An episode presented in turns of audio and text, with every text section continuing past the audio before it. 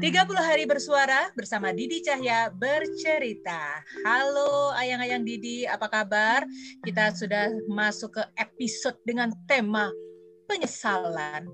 Kali ini Didi Cahya tidak sendirian karena ada dua aku nggak tahu apakah ini teman atau ataukah musuh dalam selimut ada pemilik Agung Pindang Channel dan Roy Anwar. Penyesalan terbesar apa yang mereka miliki? Check it out. Bentar, kamu harus menyampaikan dulu nih, karena ayang-ayang Didi juga nggak tahu nih, si Agung Pindang ini posisi di mana, Roy Anwar di mana. Nah, Oh, ini iya. lintas benua kita, lintas benua. Iya, iya, iya, iya, iya, iya, benar sekali. Agung Bintang Channel, dia bersumber di Semarang. Dan Ya, Roy dan- Anwar adalah di manakah gerangan dirimu? Dubai. Wow. Dan Didi ada di Sakastan, Tajikistan. Tajikistan. Ya, kita pembicaraan tiga benua, Semarang, Surabaya, dan Pontianak. yes, benar sekali. Lanjut, Roy Anwar, penyesalan terbesar dari dirimu adalah Hmm, apa ya? Penyesalan terbesar itu adalah sekarang sih kalau ditanyakan di umur-umur sekarang sih kayaknya udah mulai bijak ya bisa menjawabnya ya.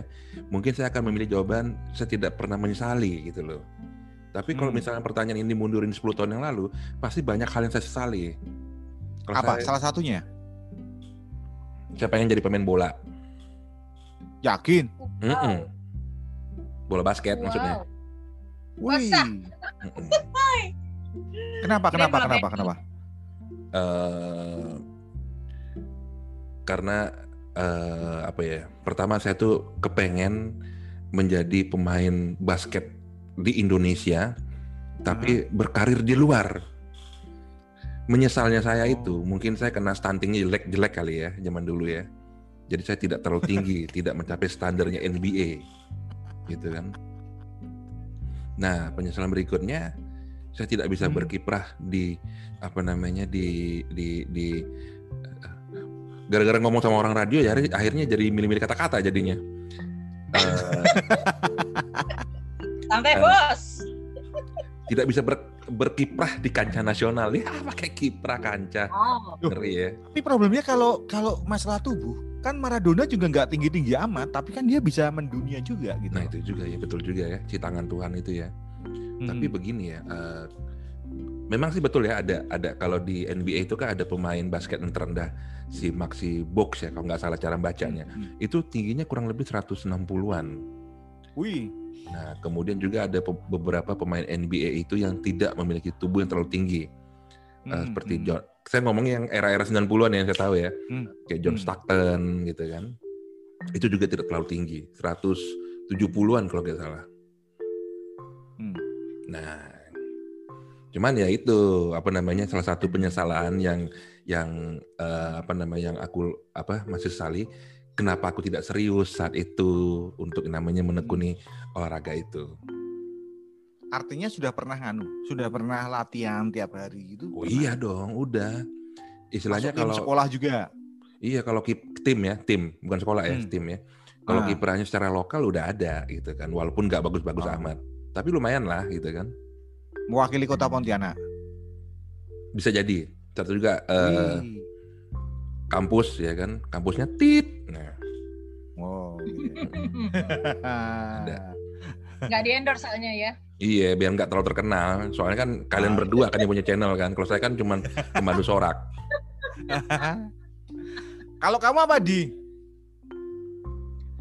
eh openingnya sama kayak Roy tadi. Kalau kita bicara tentang umur sekarang, eh, kita sudah lebih bijak untuk mengatakan bahwa tidak ada yang disesali dalam hidup. Hmm. Tapi sebenarnya ada satu hal yang sangat sepele, sangat kecil, sangat tidak diperhitungkan, tapi membuat aku menyesal sampai sekarang. Nah, Hmm, apa itu? Yaitu tidak sempat membawa ibuku makan di aku sebut ini ya walaupun nggak di endorse ya Ah. nggak sempat ngajak ibuku makan di McD saat aku ulang tahun padahal waktu itu ibuku minta aku traktir saat aku Sempat ulang pengen tahun. Nebak tadi itu loh, McD aku bilang. iya Tadinya, tadi itu. Tapi Karena- udah oke. Mm. Ah, ah, itu terjadi eh, 18 tahun lalu kan masih baru-barunya masuk di Surabaya tuh. Umur Dan berapa aku itu? ah masih waktu itu aku masih 16 tahun. Wih.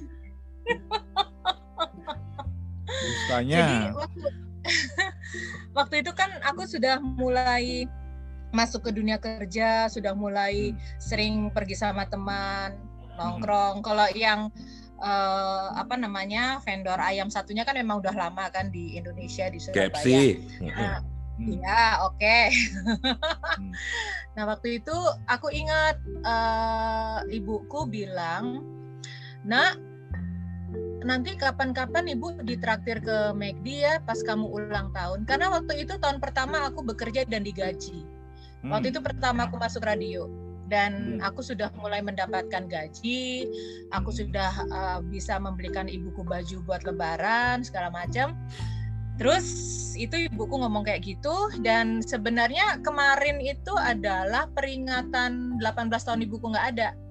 Jadi eh, apa pun siapa pun dalam eh, event atau momen apa pun ak- bertanya di apa penyesalan yang ada dalam dirimu sampai sekarang? Ya aku ngomongnya penyesalanku adalah aku nggak sempat bawa ibuku makan di McD waktu ulang tahun karena eh ibuku nggak ada Desember. Aku kan mestinya ulang tahun tuh Februari ya. Jadi waktu itu aku merasa ya ampun, bukannya ya ampun kenapa nggak nunggu gitu ya, tapi itu loh permintaan sederhana. Kenapa harus nunggu aku ulang tahun sih? Kenapa nggak kemarin-kemarin aku neraktir ibuku sih? Gitu. Jadi sekarang itu kadang-kadang kalau hal-hal kecil yang diminta sama bapakku, diminta oleh siapa pun, siapa pun, Hmm. dan itu sangat mudah untuk aku lakukan, akan aku lakukan karena aku nggak mau nyesel kayak yang kemarin. Sepele kan? Itu itu anu loh, penyesalan yang kecil tapi ganjel dibandingkan dengan penyesalan aku nyesel karena masuk dunia radio atau aku nyesel karena apa? Itu mungkin eh, karena effortnya besar. Jadi kalau itu tidak tercapai, penyesalannya nggak gede-gede amat. Bisa paham Oke. kan? Kalau sekadar oke. bawa ibuku makan di suatu tempat, itu effortnya tuh kecil banget loh Hmm. effort sekecil itu aja tidak aku lakukan itu bikin aku yang ya ampun kenapa ya Nah, itu sih sepele penyesalanku tuh sepele banget tapi Tapi sampai kamu sekarang. terpikir sampai sekarang dengan penyesalan seperti itu.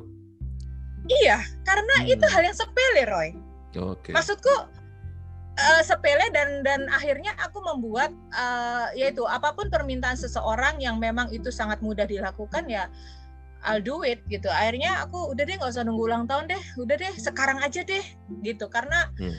waktu itu kita kita nggak bukan kita yang punya ya, sepele Kenapa? banget itu Kenapa Kenapa? waktu itu kamu nggak ada Heeh. inisiatif untuk langsung, ayo bu sekarang aja yuk gitu? Kan nggak Karena mahal ibuku juga. minta. karena ibuku minta eh, traktiran ulang tahun Oh gitu. Nah, itu. Jadi jadi kan aku nggak kepikiran untuk ayo dah nggak usah nunggu ulang tahun lah sekarang aja makan gitu. Nggak nggak kepikiran gitu karena memang ibuku mintanya adalah ibu cuman pakai kepengen pas kamu ulang tahun ibu ditraktir di McD. Udah itu aja. Hmm. Sepele banget dan dan itu sampai sekarang aku masih teringat, Oke. masih ingat banget. Hey, ada teman kita Ini yang sama-sama jauh dari, aduh, dari Ini orang Madura. ini? Mas, Orang Madura. Cak Norris. Oh, Cak Norris. ya lengkap sudah ini kita ada yang dari Semarang, ada dari Surabaya, ada dari Pontianak. Sekarang ada teman kita yang bergabung, Pangkalan Bun. Om Aldi dari Pangkalan Bun. Selamat malam. Selamat malam. Dua. Oke, kita mesti. Golden. Oke. Kita, mesti kasih selamat dulu ya karena Om Aldi ini berhasil memperoleh penghargaan. Lomba apa sih Om? Lomba apa? Lah kemak lu. Di posting diucapin banyak selamat akhirnya oh, Mas Aldi Voice berhasil. over. Voice over ya? Eh, apa ya namanya itu ya? IPB Voice Over Talent 2020 kalau nggak salah ya. Waduh. Di penghujung tahun Anda mendapatkan penghargaan sebagai voice talent terbaik orang Pangkalan Bun mendapat penghargaan Hmm. di Jawa. Kita yang di Ya. Jawa di Betul. nggak dapat apa-apa di. Betul. Soalnya nggak baca formulir. Siapa suruh nggak isi formulir? Nah, saya mau tanya nih, Hmm. apakah Hmm. menjadi orang radio adalah bagian yang disesali oleh seorang Mas Aldi atau Mas Aldi punya penyesalan yang lain? Jujur ya, ini jujur ya. Ah, Yang paling ya? yang paling kamu sesali di Mas Aldi? yang paling ku sesali apa ya? Tidak tidak paling disesali sih sebetulnya. Hmm. Hanya saja mungkin sedikit disayangkan. Hmm. Kenapa aku nggak keluar kandang gitu? Maksudnya? Kenapa aku nggak keluar kandang eh, ke tempat yang lebih menantang? Hmm. Sementara Wow. beberapa beberapa teman atau beberapa pengamatku lah, Hmm, eh, kalau aku coba terjemahkan kalimat mereka, Hmm, medan tempur kamu tuh lain di, eh, bukan di sini. Bahasanya tuh kayak begitu. Bukan di radio maksudnya? Kamu, bukan, bukan, bukan di kota ini. Oh, bukan di, Bukan di Pangkalan, Bun. Ah, Pangkalan Bun terlalu kecil untuk seorang Aldi gitu maunya. Golden Voice, ya, kok. Golden Voice. ya, Sombong amat. ya entahlah itu pengamatan Gue mereka ya. diam dia kalau dia udah ngomong, minder gue. Makanya kemarin saya ajakin dia ke Timbuktu. Oh. tapi eh tapi kalau aku kayaknya punya keresahan yang sama kayak kayak Mas Aldi gitu. Nah, Aku menyesal karena enggak enggak bener. Kenapa dulu ketika masih aktif di radio, bukan radio yang sekarang ya, radio yang dulu, Hmm. saya itu tidak mencoba bergaul dengan teman-teman radio yang lain gitu loh. Makanya ketika Didi pertama kali tugas di Semarang itu buat saya pengalaman baru berinteraksi secara apa ya, secara intens dengan orang-orang di sebuah wilayah, tapi kita dari radio yang berbeda karena buat saya dulu itu itu bukan sebuah habit yang apa ya?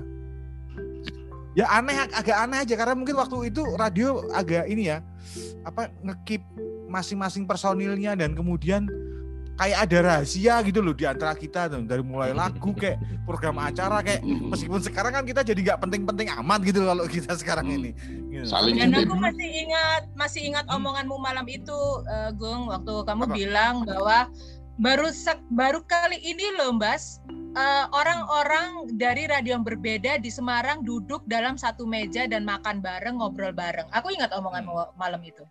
Hmm, hmm, hmm, hmm, hmm. Ya kan ada berapa radio tuh waktu itu. Dan akhirnya kita berempat ngobrolin radio lagi, bukan? Iya, iya. Ujung-ujungnya ke sana lagi. Hmm, hmm, hmm.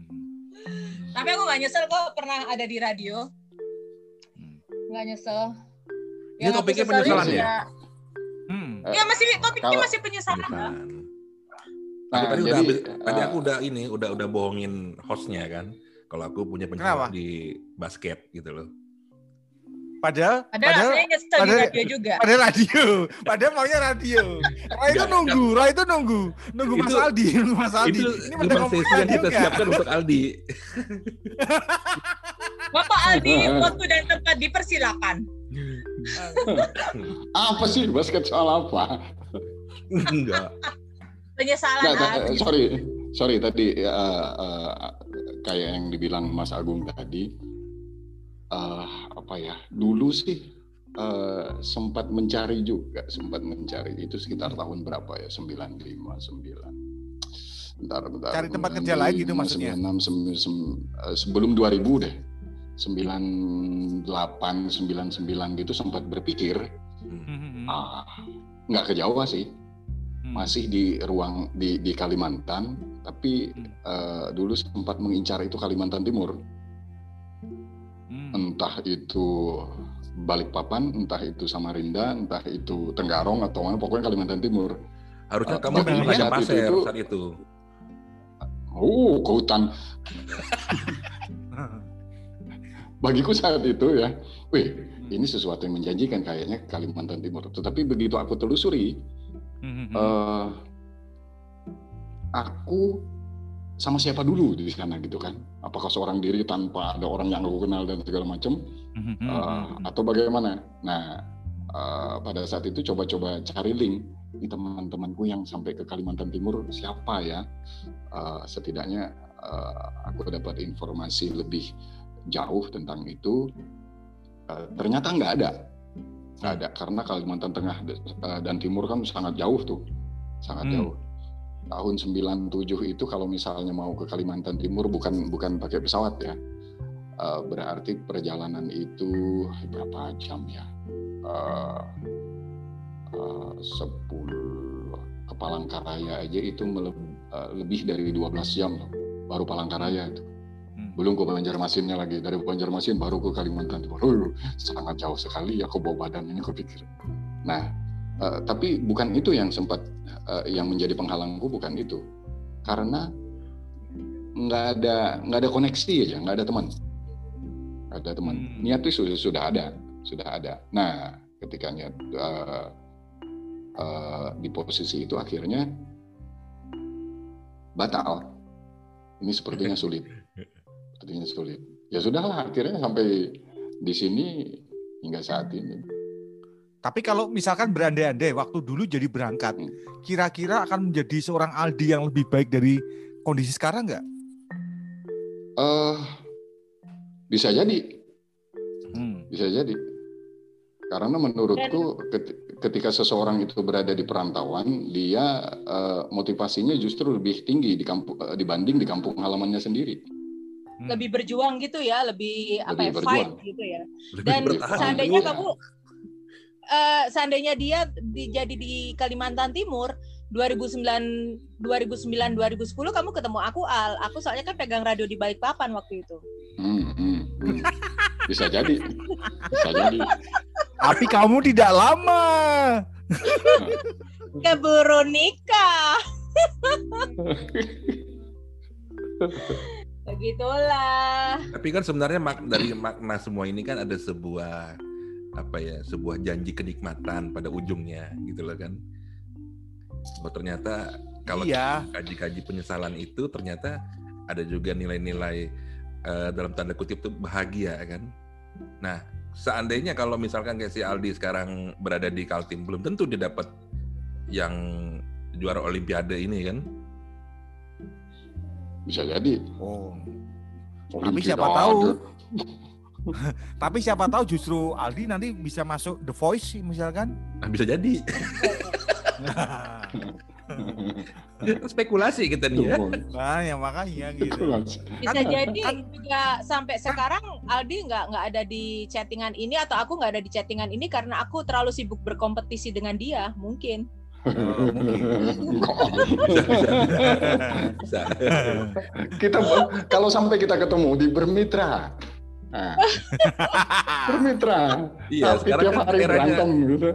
Sekarang kan eranya kolaborasi kan. Enggak lah, tapi Di, kalau sekitar tahun sebentar, 9... sebentar, sebentar, sebentar Mas Agung. Kalau nah. ini kalau misalnya ya, nah. kalau misalnya uh, tahun 2009 2010 itu aku ketemu Didi, aku yakin dia hari ini udah jago audio editing. Gak perlu dirukyah ya, ya Allah. Oh, gak perlu, gak perlu. itu gak perlu dirukyah. Saat itu kamu harus uh, sudah mengikuti tahap madrasah, gitu ya. Udah, tahap pertahap gak perlu dirukyah. Bisa nggak kita mengalihkan obrolan itu? Tapi benar-benar, uh, iya ya itu salah satu penyesalanku di dunia radio ya teman-teman. Bahwa saat aku di dunia radio, aku tuh terlalu uh, hidupku terlalu nyaman. Aku siaran, aku segala macam itu dioperatorin dan aku keluar dari radio dengan kondisi aku sama sekali tidak bisa memproduksi uh, apa pun itu. Nah, cuman aku ya modal suara doang. Itu kalau ditanyain penyesalan di dunia radio itu yang aku sesalin. Yang lain-lain mah lewat. Cuman ya itu keluar dari dunia radio nggak bisa bikin apa-apa. Itu ngeselin banget. Gitu. Tapi kalau terima kasih loh untuk Macan Naruida. Tapi kalau menurutku sebenarnya nggak salah juga yang jadi seperti itu gitu kan bahwasannya ya karena gue kan uh, tidak semua karena gue kan manajemen saya ngapain gue belajar produksi tidak semua penyiaran itu paham ini apa namanya software itu kan kecuali dia memang ada permintaan khusus gitu kan Yap, betul. Oke. Oke, sip, sip. thank you. Selamat istirahat semua ya. Bye.